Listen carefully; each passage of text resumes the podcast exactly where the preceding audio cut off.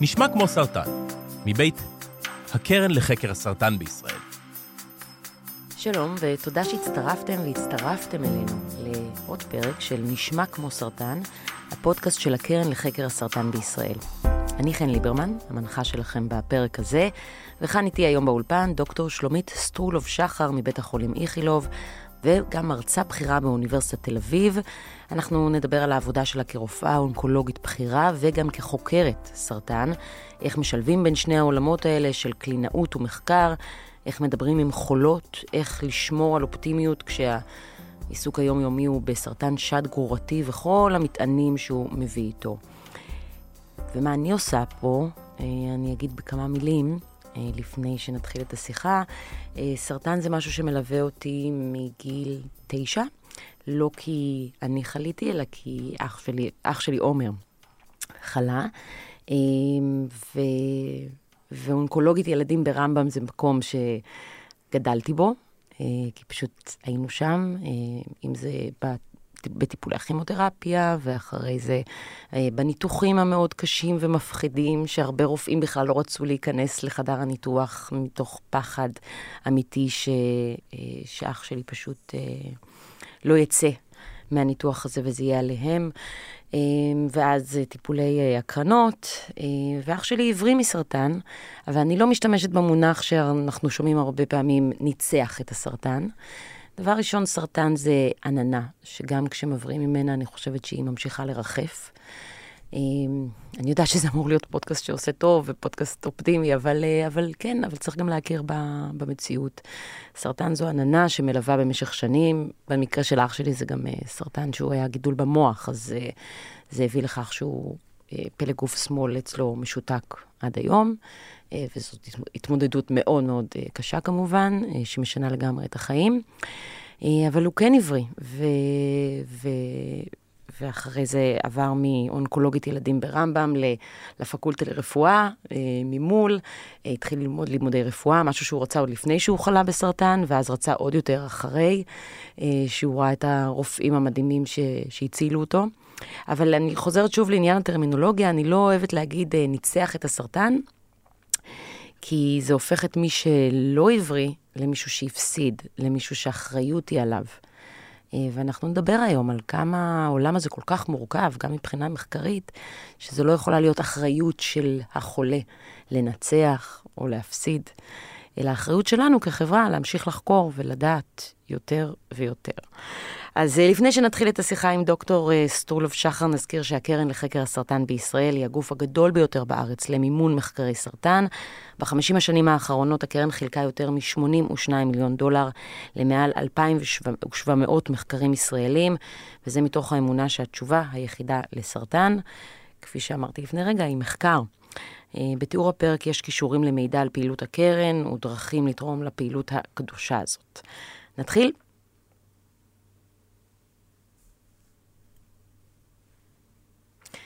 אז עכשיו אפשר להגיד שלום לדוקטור שלומית סטרולוב שחר. היי, שלום.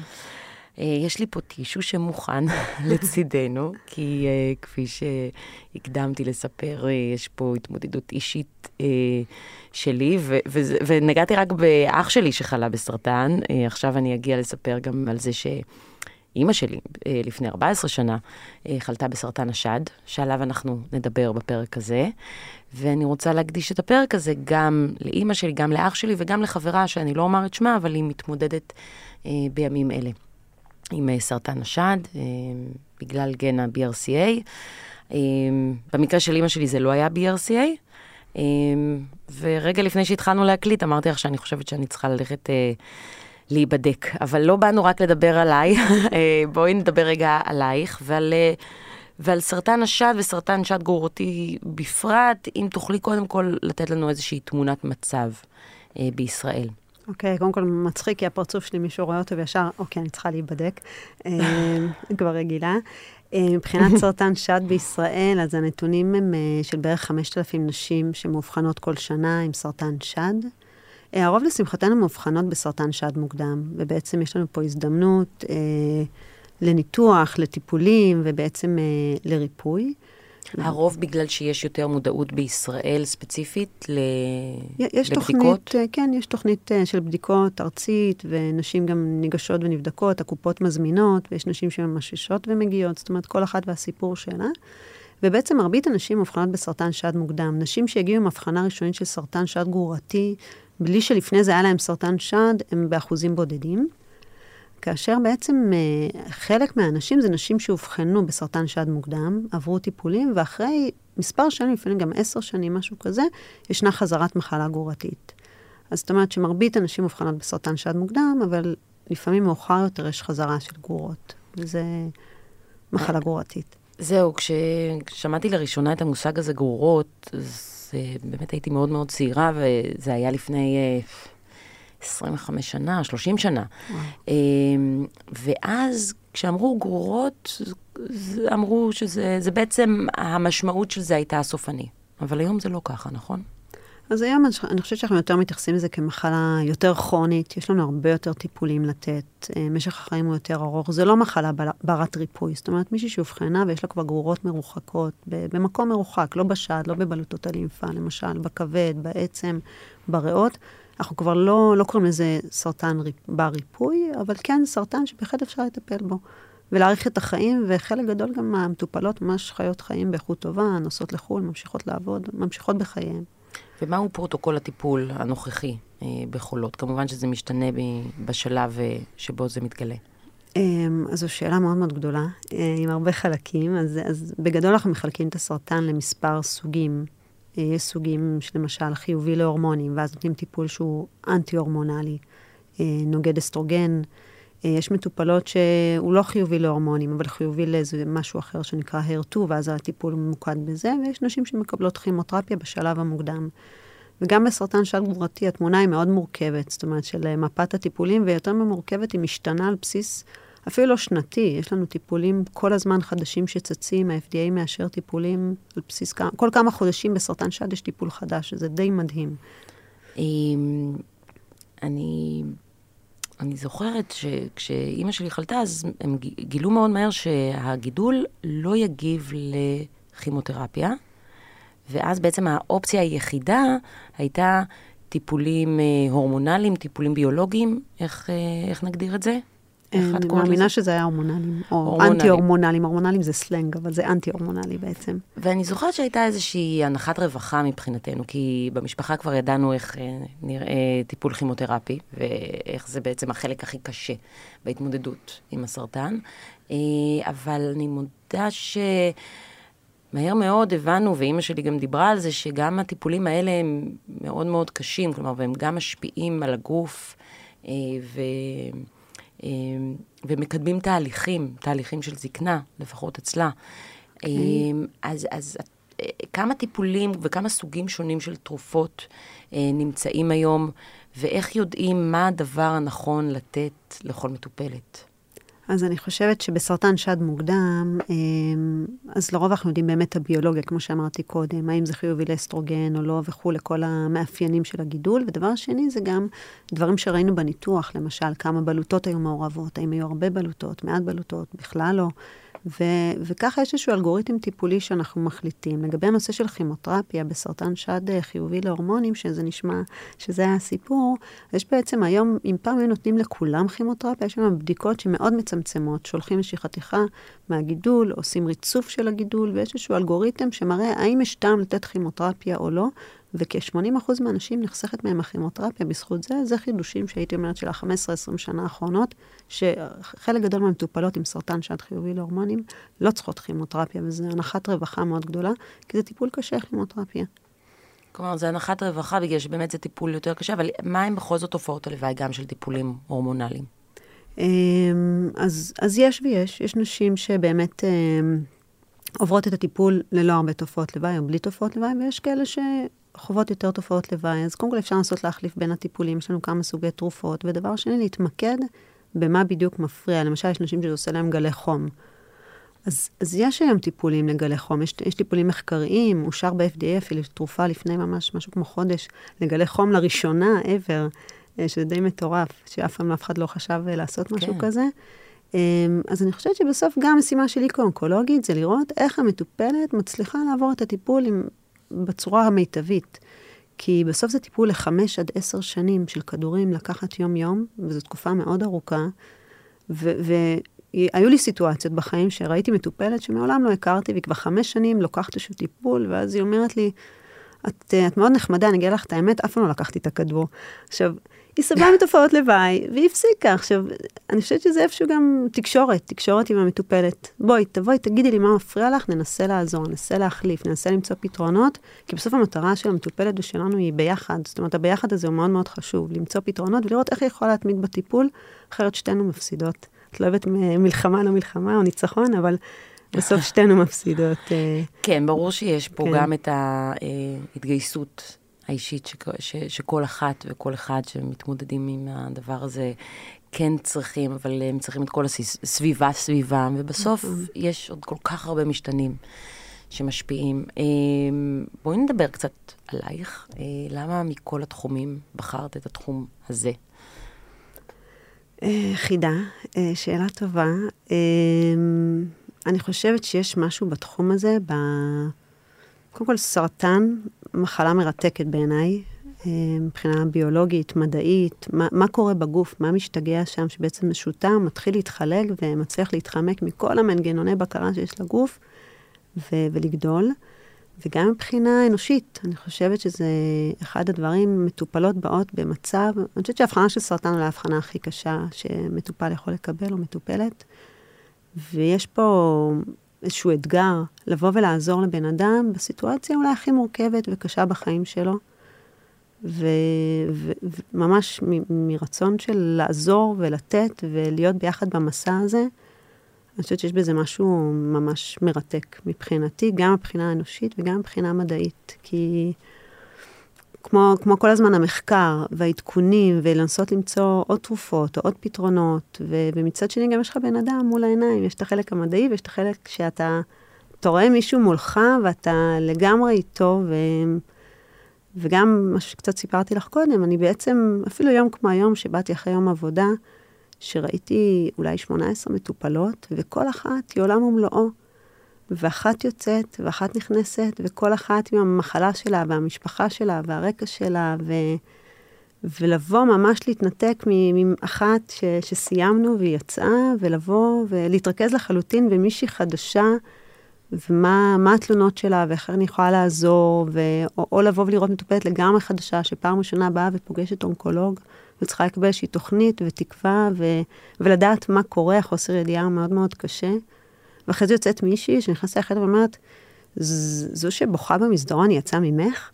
אני כאילו מנסה להבין אם באמת כן יצא ממני או לא, ו- ובאמת כל, כל אחד נכנס עם החששות שלו והחרדות שלו והתקווה שלו, ו- ולבוא ולהיות עם כל אחד, אה, כל אחד עולם ומלואו. אז בטח כבר מלא שאלו אותך את זה, אבל אני חייבת להבין איך... אה, אולי השאלה היא לא איך לא מפתחים קהות חושים, כי אני חושבת שאולי טיפה של קהות היא דבר נדרש בשביל להתמודד עם זה על בסיס יומיומי. איך עדיין מצליחים לראות את, ה, את האישה שמולך? אה, אני חושבת שמה שלי עוזר זה, קודם כל אני, אני עוסקת במחקר, ואני, העולם שלי מלא בכל מיני תכנים. זאת אומרת, יש לי את המטופלות, שזה עולם ומלואו, ויש לי יום אחר שהראש שלי מוסט לדברים אחרים וקצת מתנקה, בין אם זה מחקר, תחביבים, משפחה, אה, כל הדברים האלה. אה, אני חושבת שלעשות, רק, רק לראות מטופלות כל היום, אתה מתישהו מתקהה, אפשר לקרוא לזה. אה, זה משהו שאני לא רוצה להתקהות. אני חושבת שביום שאני אתקהה, אני צריכה להחליף מקצוע באיזשהו מקום. אני רוצה להיות עם מטופלות, יחד איתם, שם, לראות אותם כבני אדם, זה מה שהם, ואני ממש מנסה לשמור על האיזון הזה כדי שאני אוכל תמיד להמשיך לראות את זה ככה. ואת מצליחה לא להכיל את זה יותר מדי, כלומר, לא לקחת את זה יותר מדי קשה, כי בסוף הן צריכות שאת תהיי חזקה, כלומר, הן צריכות אותך מולן. אה, ולספוג את זה, גם אם זה לא על בסיס יומיומי, כי כמו שאמרתי, יש לך את המחקר, עדיין זה משהו ש... נראה לי שחייבים לייצר איזושהי חומה, לא? אמ, אני, אני חושבת ש... שאני לא רוצה, אני לא מנסה לייצר חומה, זאת אומרת, מה, קורה, מה שקורה באופן טבעי, אבל אני ממש מנסה לא, זאת אומרת, מטופלת שמאוד מאוד אהבתי, נכנסה לחדר עם תשובות מאוד מאוד לא טובות. את יודעת מה הייתה התגובה שלי? קמתי, התחלתי לבכות וחיבקתי אותה. וואו, זה מה שקרה, כן. זה, זה מפתיע אותי מאוד, אני כן. חייבת להגיד. אמ, זה משהו ש... וליוויתי אותה במסע מאוד מאוד ארוך, ו... ואני, אני... ככה אני רוצה להתנהג. וואו, איך היא הגיבה כשאת בכית? אמ, לא התחבקנו. זה מאוד מעניין. אמ, אני, אני לוקחת אותך רגע לרגע הזה שאת צריכה לתת למטופלת את ההבחנה. יש איזו הכנה נפשית שאת עושה עם עצמך שנייה לפני שהיא נכנסת לחדר? אה, לא תמיד אני מצליחה, או לא תמיד יכולה. לפעמים מטופלות באות, אני כבר רופאה מאוד מנוסה, אני לא אחת שתמיד עוברת על התיקים מראש. אה, אז, אז לפעמים אם אני מספיקה, ויש לי איזה כמה דקות בבוקר, מספיקה לעבור על החומר, אז זה נחמד לי, ולפעמים לא. אה, ומבחינת הכנה נפשית, כלומר, כשאת בדרך לעבודה, בבוקר, ואת יודעת שהיום את נפגשת עם מטופלת, אם זה בכלל עובד ככה, אבל שהיום את נפגשת עם מטופלת ואת צריכה לבשר לה את הבשורות האלה. אז, אז לפעמים כן, לפעמים יש מטופלת שנגיד מישהו אמר לי בצוות, תקשיבי, חזרה עם תשובה מאוד לא טובה, שאיזו בדיקה או משהו כזה, לפעמים כן, אני, אני חושבת לא כל כך רק על איך להגיד, אלא מה אני עושה איתה הלאה, זאת אומרת כבר מה, מה הטיפול הבא, מה אני יכולה כבר להציע. אה, כדי שתהיה, שתהיה לנו ביחד איזושהי תקווה ואיזשהו המשך דרך. אה, אז, אז כן, לפעמים אני חושבת על זה מראש. לפעמים אה, התסכולים שנובעים כששומעים תוצאות מאוד קשות, לפעמים זה גם מופנה כלפייך? לפעמים כן, אני חושבת שלפעמים אנחנו מקבלים, לא יודעת איך לקרוא לזה, כעס שמטופלים על המחלה עלינו. לפעמים זה מתסכל, ולרוב אתה לאט לאט מבין שהכעס הוא על המחלה ולא באמת עליך. אתה, אתה השליח המסכן, אבל לא... בסוף אתה לא זה שיצרת את המחלה שם. אז נגענו קצת אה, במחקר שאת עושה, ושזה איזושהי בריחה גם. אה, אני תוהה מה מבין אה, שני התחומים, הקליני מול המחקרי, מעניק לך יותר תקווה לגבי המחלה הזאת. אה, אני חושבת, אני לא יודעת אם המילה תקווה, אני חושבת שהמחקר הוא, הוא, הוא, הוא בעיקר מעורר גם תקווה וגם... אה, הוא פותח עולמות באיזשהו מקום. כשאתה בא ואתה רואה ואתה חוקר דברים יותר לעומק, אתה מבין תהליכים ויכול להציע אולי יותר דברים ויותר מחשבות אה, לגבי אופי הטיפול, תוצאות הטיפול. אז אני חושבת שמחקר לאו דווקא רק התחום שלי, להבין בכלל יותר במחקר ולראות לאן זה הולך, נותן המון תקווה. אמ, כי אני חושבת שבסופו של דבר, בקדמה של היום, מתישהו צריך להימצא פתרון, לא יודעת אם בכלל לרפא, אבל כן להפוך את זה למחלה כרונית ארוכת טווח. זאת אומרת, והכיוון, נגיד, הכיוון של החיסונים ודברים כאלה, בהחלט מעורר תקווה. עוד קצת רחוק, אה, ויש עוד דרך ארוכה, אבל אין ספק שזה מעורר תקווה. ו, וגם ביום-יום, יש לי מטופלות ש... הן יודעות שאני נוסעת, יש כל מיני כנסי עדכונים. הן ממש מחכות, הן מתקשרות אליי ביום שאני חוזרת מהכנס, מה יש לך בשבילי? יש משהו חדש? זה כאילו, אה, וכן, ולפעמים יש לי דברים חדשים, וזה מאוד מאוד מרגש לבוא להגיד, כן, מצאתי לך משהו, תבואי נדבר, כאילו, זה... אז, אז אפילו בצעדים הקטנים האלה, ש, שיש מטופלות שאת לפני שנתיים לא חשבת שהן יהיו בחיים היום, ופתאום יצאה איזושהי תרופה, והם לקחו אותה, ווואלה, הם איתי עכשיו, ואולי תצא עוד תרופה, ו... יש איזשהו גלגול כזה שלא היה, זה, זה משהו שהוא יחסית, יש, יש יותר תרופות, יותר אפשרויות, וזה מרתק, זאת אומרת, ב... זהו, כי רציתי להגיד שמחקר זה גם משהו שלצד זה שהוא נותן אופטימיות, אה, הוא גם לוקח המון המון שנים. אה, לוקח המון שנים להבין את ההשלכות, את התוצאות, ועד כמה בזמן שאת נמצאת אה, בתחום הזה, הצלחת ממש לראות דברים שבאים לידי ביטוי וכבר נכנסים אה, ומיושמים. אז בדיוק אמרת את זה, אם יש לך אפילו כמה דוגמאות ספציפיות. יש, אה, כן, יש תרופות שנכנסות, כל מיני נוגדנים חדשים שמצומדים לכימותרפיה, שלא היו, שאושרו בשנה, שנתיים האחרונות, שנותנים אה, שקט מהמחלה הגורתית מאוד ממושך בסוגים מסוימים של סרטן שד. משהו שפעם לא, פתאום בא שחקן חדש לשוק, ולמשל בסרטן שד חיובי להר2 פתאום נותן אולי שנתיים שקט מהמחלה. שזה כאילו, וואו. כלומר, שנתיים שקט מהמחלה זה שזה עוצר את התפתחות הגידול? כן, עוצר את הגרורות, אולי אפילו מקטין את הגרורות. זה משהו שפתאום ככה. יש לנו טיפול חדש שלא היה בארסנל. והדוגמה, הדוגמה מצוינת, זה מעכבי ה-CDK4-6, שזה תרופות ביולוגיות בסרטן שד גרורתי, שנשים היום לוקחות אותם, ו- וגם בתחילת המחלה יש להם שנתיים שקט. זאת אומרת, שנתיים, אישה באה עם הבחנה מאוד קשה, סרטן שד גרורתי, למשל לעצמות, לכבד, שהוא חיובי להורמונים. ואני יכולה לתת לה משהו שאני יודעת שיש סיכוי גבוה שהיא שנתיים, שלוש תהיה עם התרופה הזו, ותוכל להמשיך בחייה. זאת אומרת, ממש לא רואה אותי הרבה, רואה אותי פעם בארבעה חודשים, משהו כזה, יש את ההתחלה קצת. אה. שוב נחדד את זה, חיובי להורמונים, זה אומר שזה מגיב לטיפול הורמונלי, ואז לא צריך כימותרפיה? אנטי-הורמונלי, אבל טיפול אנטי-הורמונלי, זה חיובי אנטי-הורמונלי, כן, ולא צריך כימותרפיה, בדיוק. והאנשים האלה פעם, אה, קודם כל החשש הכי גדול של אישה זה לקבל כימותרפיה. איך שהיא נכנסת, אני אומרת לה, אנחנו לא נותנים כימותרפיה, כבר יש הנחת רווחה מאוד גדולה. אה, והטיפולים הביולוגיים משולבים עם הטיפול האנטי-הורמונלי, נותנים שקט. שקט לשנתיים, וראיתי גם יותר, שזה באמת איזשהו שוק של התחלה, של אבחון של מחלה גרורתית, אבל אחר כך יש איזושהי התרגלות לטיפול, חודש, חודשיים, ואחר כך הן ממש, חלקם חוזרות לעבודה, חוזרות לחיים. אני אומרת להם, תבואו עוד ארבעה חודשים, הן מסתכלות עליי, אולי חצי שנה. כאילו, ממש... אה, וכשלמדת רפואה, לא יכולת לדמיין בכלל שזה יקרה. זה לא היה, לא היה, התרופות האלה לא היו קיימות. זה תרופות שאין להן אפילו עשור, וממש אה, הם שינו את המשחק. ובגלל זה, שוב, אם נחזור להגדרה של סרטן שד גרורתי, אה, זאת, זאת בשורה לא נוראית היום כמו שהיא הייתה לפני 30 שנה. היא עדיין נוראית. היא עדיין לא, נוראית. היא עדיין נוראית. צריך להגיד את האמת שהיא עדיין נוראית, ועדיין אה, עדיין, בסופו של דבר מתים מהמחלה, בסדר? צריך להיות כנים, אבל כן, בהחלט, יש מספר שנים עם טיפולים טובים, ש, של רמת חיים טובה, ו, ו, וכמו שאני אומרת, כל הזמן מצטרפים לארסנל עוד טיפולים. זאת אומרת, גם מישהי שהיום מאובחנת עם סרטן שעת גרורתי, שבוא נאמר, ממוצע החיים שלה הוא חמש-שש שנים, יכול להיות שעוד ארבע שנים זה יגדל ויגדל ויגדל, אנחנו, אנחנו לא מצליחים, זאת אומרת, אנחנו מצליחים לעקוב, אבל אין ספק שלפני עשר שנים, אז הממוצע היה הרבה יותר נמוך. היה שלוש שנים, ארבע שנים, זאת אומרת, זה הולך וגדל. כלומר, כי מבחינת עולם המחקר, אנחנו נמצאים אולי פשוט בשלב שהרבה דברים מתפוצצים בבת אחת, תהליכים ומחקרים שהתחילו לפני שנים רבות. והגענו אמ, לשלב הזה? גם, אני חושבת, אבל גם ה-FDA לדעתי מאשר יותר מהר תרופות. יש איזושהי למידה של אה, איך לבנות את המחקרים בצורה שיוכיחו את זה אולי בצורה יותר מהירה. יש כמה שילובים של דברים, ויש גם המון המון מולקולות חדשות ותרופות חדשות, שעוד ועוד חברות ממציאות, או חוקרים ממציאים, וזה מגיע לשלב הבשלה.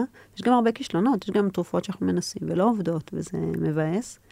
אמ, יש יותר פתיחות לאישורים מהירים יותר של תרופות אה, לטיפול בסרטן, כן.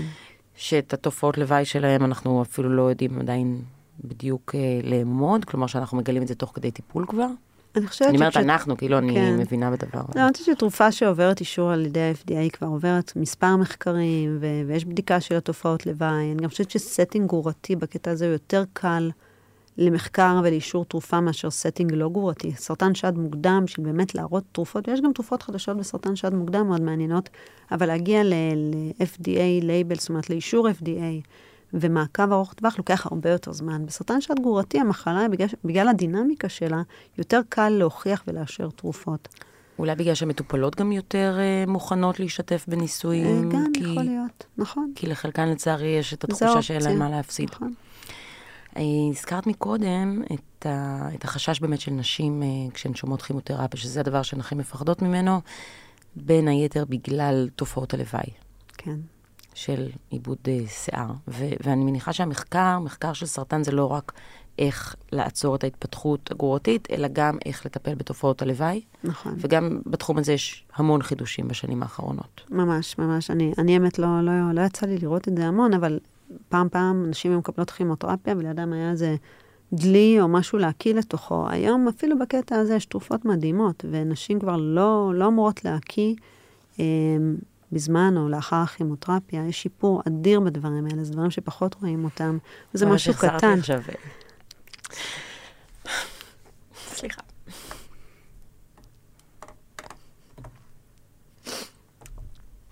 סליחה. החזרתי אותך אחורה. החזרת אותי פתאום אה, לאימג' אה, של אח שלי. מקים מכימותרפיה. כן, כן.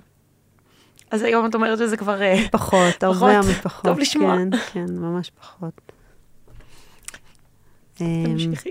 אוקיי. אני אתעשת. בסדר, אז, אז, גם נשירת שיער, זה ממש דברים כמו כובע קרח, שבחלק מהפרוטוקולים מאוד עוזרים. והאמת שאחד הדברים ש, שלי מאוד מפריע, זאת אומרת, מה שאני רואה אצל המטופלות שלי זה נושא של, אני לא יודעת כמה זה מוכר, משהו שנקרא נאורופתיה, שזה נמלולים באצבעות הידיים והרגליים שמתפתחים בעקבות כימותרפיה, כמו טקסול, אה, משהו ממשפחת הטקסן עם אחת הכימותרפיות. וזה משהו ש...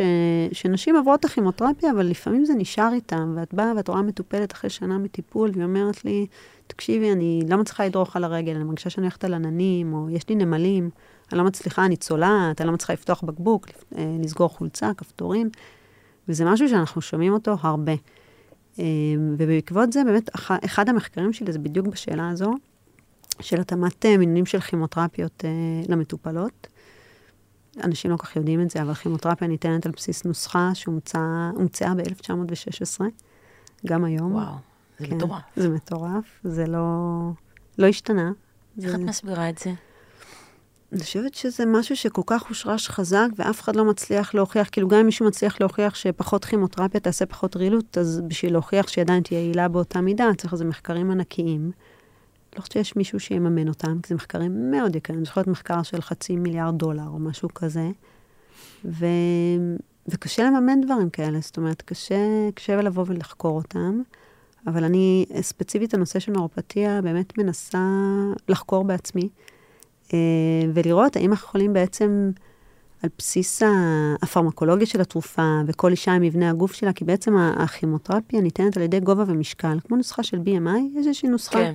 גובה ומשקל. עכשיו, יש נשים שהן יותר שריריות. BMI זה אה, אחוז השומן ב... BMI בעצם זה, זה, זה משקל חלקי הגובה בריבוע. Aha. זה איזושהי סקאלה שהומצאה ממש מזמן, שיהיה קל לסווג אנשים בקבוצות אה, מסוימות של השמנה או וכולי. אז לפי זה נותנים כימותרפיה היום. משהו דומה, זה לא בול אותו דבר, אבל, אבל בסופו של דבר זה איזושהי נוסחה עם משקל וגובה. ו- וזה ככה נעשה כבר 100 ו... לא יודעת, 107 שנים או משהו כזה. בכל העולם מיליוני אנשים מקבלים לפי הנוסחה הזו כימותרפיה, למרות שהיא לאו דווקא הכי מדויקת. והיום אנחנו, יש לנו דרכים כל כך הרבה יותר uh, טובות להעריך uh, גוף של בן אדם, שומן, שריר, כל הפרמקולוגיה, אבל עדיין תקועים ב, בדבר האנטיקה הזאת.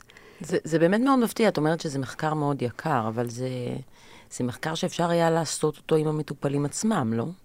נכון, אבל אה, בשביל לבוא ולהראות גיוס ולעשות הכל מסודר, כמו למשל שה-FDA אוהב שהמחקרים שלו מסודרים, זה דורש המון כוח אדם מסביב. זאת אומרת, צריך מישהו שיבוא ויתאם את כל המידע ויאסוף את כל המידע, וזה מורכב מבחינה, מבחינה מחקרית לעשות דברים כאלה. ונשמע שזה לא בראש סדר העדיפויות של חקר הסרטן. נכון. יש הרבה תחומים וזה לא הדבר הכי חשוב. מדוע? אני חושבת שזה איזשהו מין הרגל כזה, ופשוט התרגלו לתת כימותרפיה בצורה מסוימת, ו- ומאוד קשה לשנות, כי זה גם לא תרופה אחת, זה בעצם כל התרופות, אז כל תרופה צריכה לעשות לה מחקר משלה, אז אם דיברתי על מחקר גדול, אז זה מחקר גדול על כל אחת מהכימותרפיות, שבוא נגיד שיש לפחות 10, 12 מאוד חשובות, או משהו כזה, מאוד מורכב ומסובך. אמ, אז אני חושבת ש... אני, אני יכולה להגיד מה שאנחנו מנסים לעשות, זה בעצם לבוא ולראות את הקשר, יש לנו דרך לבוא ולראות לכמה שריר ושומן יש לכל מטופלת. אה, ולעשות לה בעצם בדיקות דם, לראות את הריכוז של התרופה, וגם לראות האם היא מפתחת נאורופתיה. אה, זו עבודה שהיא בהתהוות, זאת אומרת, אנחנו עכשיו אה, מנהלים בדיוק את המחקר, התוצאות, אני מאמינה שיהיו עוד שנה, שנתיים, ובדיוק לראות האם באמת המטופלות צריכות מינונים כל כך גבוהים של כימותרפיה, והאם זה עדיין, אה, האם זה שמטופלת, יש לה מיונים גבוהים בדם, גורם לה יותר לנורופתיה? זאת אומרת, לבוא ולעשות איזשהו מודל פרמקולוגי לכל מטופלת באופן אישי, וממש רפואה מותאמת אישית, כמו שהיום צריכה להיות, לדעתנו, כן. ב-2023. אז אנחנו עושים את זה במחקר פשוט אה, פר מטופלת, ולפי התוצאות נראה אם אפשר ללכת למשהו יותר גדול. והנה גם דוגמה לאיך אה, הקליני והמחקרי משתלבים. אה, יש אולי אה, נטייה להסתכל על זה כשני דברים נפרדים, אבל מבחינתך זה ממש משהו שאת עושה בד בבד. אה, נכון, אני חושבת שהשאלות, לא יודעת אם הכי, אבל מאוד מעניינות עולות מהקליניקה, כי בסוף אני רואה את המטופלות, ואני רואה מה מפריע, איזה תופעת לוואי הכי מפריעה, אה, או איזה שאלות קליניות. זאת אומרת, כשאנחנו אומרים, וואו, מה מעניין לחקור, אז אני תמיד אומרת, בוא נראה על מה נתווכח בישיבה הבאה, וזו שאלת מחקר, כי אנחנו לא יודעים מה נכון. אם אנחנו מתווכחים ממש, זאת אומרת שאין תשובה, שאנחנו לא יודעים את התשובה הנכונה. ואז לבוא, אלה השאלות מחקר הכי הכי טובות, כמו, כמו המחקר פה שעכשיו של ה-ICRF, שבאמת אה, מטופלות, כמו שאמרתי קודם, בקו ראשון, מטופלות עם סרטן שד גרורתי חיובי להורמונים, יש לנו טיפול נהדר קו ראשון. בגיידליין זה ברור, את רואה ממש איזה אלגוריתם, קו ראשון, תיתנו X, וכולם יודעים מה לעשות. אבל קו שני, את פתאום רואה שזה מתפצל להמון המון חצים. למה? כי אף אחד לא יודע מה עדיף. אז בסדר, זה באיזה גרף, אבל בסוף אני יושבת מול מטופלת, שבאה ברגע שהתרופה הראשונה כבר הפסיקה לעבוד, כמה שנים, היה לה שקט וחיה את חייה ונהנתה, פתאום יש איזשהו שבר, אני קוראת לזה, היה ירח דבש, הוא הסתיים. ופתאום uh, יש גורות חדשות איפשהו, ויש סטרס ולחץ, ואנחנו צריכים להחליט מה אנחנו נותנים עכשיו, כי, כי זה מה שהאונקולוג עושה, בין השאר, מחליף טיפולים. Uh, ואז יושבת מולי המטופלת, ויש לי מספר תרופות, ומה הכי נכון לתת, ואין לי תשובה מדעית לזה. למה? כי אושרו מספר תרופות על ידי ה-FDA בתור קו שני, אבל אף אחד לא השווה אותה ממש אחת לשנייה. אז אנחנו לא יודעים מה עדיף לתת קודם, תרופה X או תרופה Y, ובעצם ככה נולד המחקר שלי. זו נולדה השאלה. כשאני יושבת ורואה מטופלת, אני אומרת, מה אני אתן לה, את זה או את זה? לא יודעת מה נכון, מה עדיף. כאילו, לא רק אני, אף אחד לא יודע. זה נשמע כל כך מובן מאליו, שצריך, שזה דבר שצריך לחקור אותו. אה, נכון, נכון, אבל שוב, חלק גדול מהמחקרים, תראי, מחקרי אישורי תרופות זה פארמה, מובילים אותם, וה-FDA מאשר. אבל בסוף, לבוא ו- ולהגיד איזה תרופה קודם, ולנסות לעשות איזשהו אה, רצף נכון, כבר אין להם אינטרס. זאת אומרת, אין לאף אחד ממש אינטרס להתעסק בזה. זאת אומרת, זו שאלה שמעניינת הקלינאים מאוד, אבל בסוף, אף אחד לא, זה שוב מחקר של מיליארד דולר, ואף אחד לא יממן אותו. אה, אז אנחנו בעצם עושים את זה בשיטה שונה. אה, מה שאני עושה במחקר, אני בעצם אה, לוקחת גידולי סרטן שד ומגדלת אותם בתוך מין תרבית תלת-ממדית. ואז אני יכולה לגדל כמה תרביות במקביל. ולנסות על כל אחת מהן את התרופה, התרופה האחרת, את X, את Y, את Z, ולראות איזה תרופה עובדת הכי טוב. וככה בעצם לבחור. עכשיו, אחרי שאני רואה את זה, השלב הבא הוא בעצם לבוא ולעשות איזשהו ריצוף. לראות את ה-DNA של זה, ולראות בעצם האם יש לי איזושהי דרך לחולה הבאה, שתגיע משהו מרמז, שאני יכולה לדעת, אוקיי, החולה הזו תגיב יותר לתרופה X, ולה אני אתן תרופה X כתרופה ראשונה. כשהמשתנה שאותו את בודקת זה הגידול עצמו, כלומר, לא החולה עצמה, לא שאר הדברים, לא המשקל, הגובה נכון. וכולי וכולי, אלא הגיד... פשוט איך זה משפיע על הגידול עצמו, כי גם הגידולים הם, אה, הם שונים אחד מהשני. נכון, נכון, כי בעצם במטופלת אחת, אני לא יכולה לתת לה שתי תרופות, לחלק את הגוף שלה לשלושה חלקים ולהגיד, אוקיי, לחלק, אני לא יכולה לעשות את זה, אבל בצלחות, בתרבית תלת-ממדית, אני יכולה לעשות את זה, אני יכולה להשוות בעצם את התרופות באותו זמן אצל אותו גידול. ו... וזו שאלה קלינית אמיתית, שאני בעצמי סקרנית לראות מה, מה יצא בסוף המחקר, כי, כי זה בעצם יכול להגיד לי, לי, לעולם, מה, מה, איך לטפל במטופלות האלה. קו שני, מטופלת עם גידול מסוג מסוים, איזשהו שינוי מסוים, אולי עדיף לתת לה את התרופה הזו דווקא ראשונה. ואחר כך את התרופה השנייה. כי בסוף יש לי איזשהו ארסנל שאני לא יודעת מה הסדר הכי נכון. אז את יודעת מה, אם, אם אנחנו מדברות על המחקר, בואי נדבר גם על הקרן לחקר הסרטן, וקצת על ההיכרות שלך עם הקרן לאורך הקריירה שלך. אה, אז, אז בעצם הקרן היא, כמו שאמרת בהתחלה, מממנת מחקרים של חוקרים. אה, ואצלי בעצם תורמת את התקציב, את, ה, את הגרנט למימון המחקר שסיפרתי עליו, וזה Career Development Award, בעצם איזשהו רצון לתמוך בפרויקט מעניין, לקדם את הקריירה ולקדם את המחקר.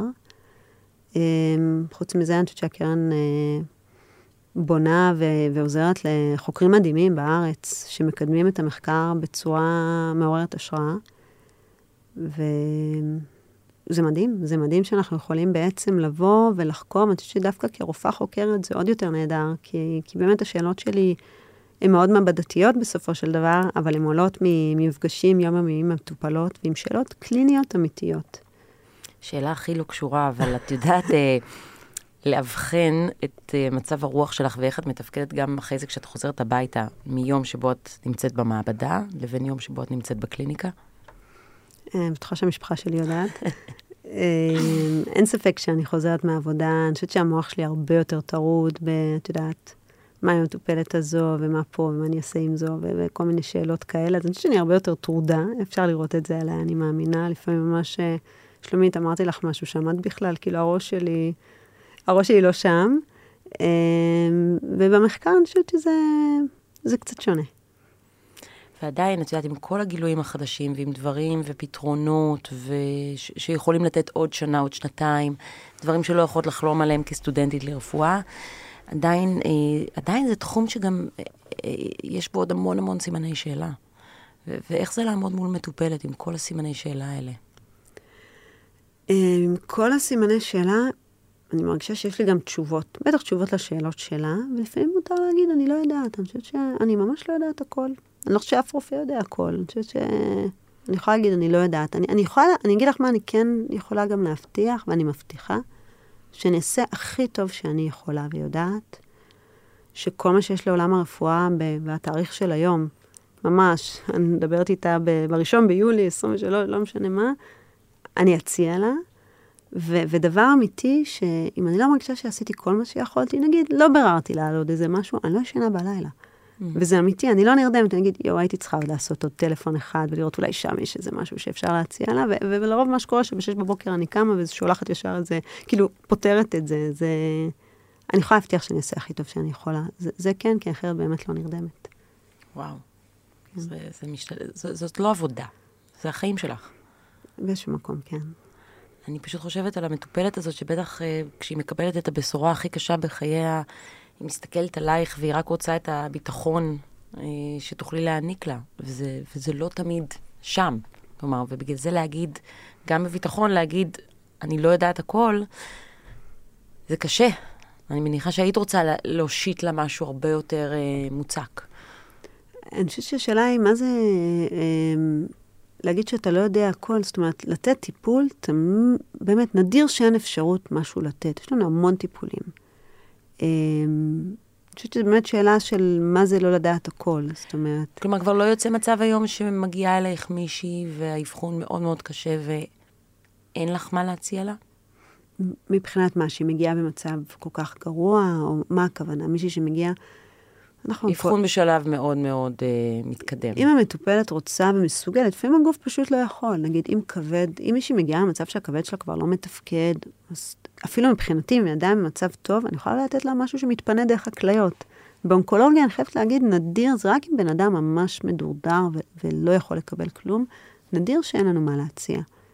תמיד יש לנו מה להציע. זו באמת סיטואציה מאוד, נראה, מאוד נדירה, למעט אם המטופלת ממש במצב פיזי, זאת אומרת, שהוא לא מאפשר טיפול. זאת אומרת, אנחנו יודעים שהטיפול עלול לקצר את חייה ולא להאריך את חייה.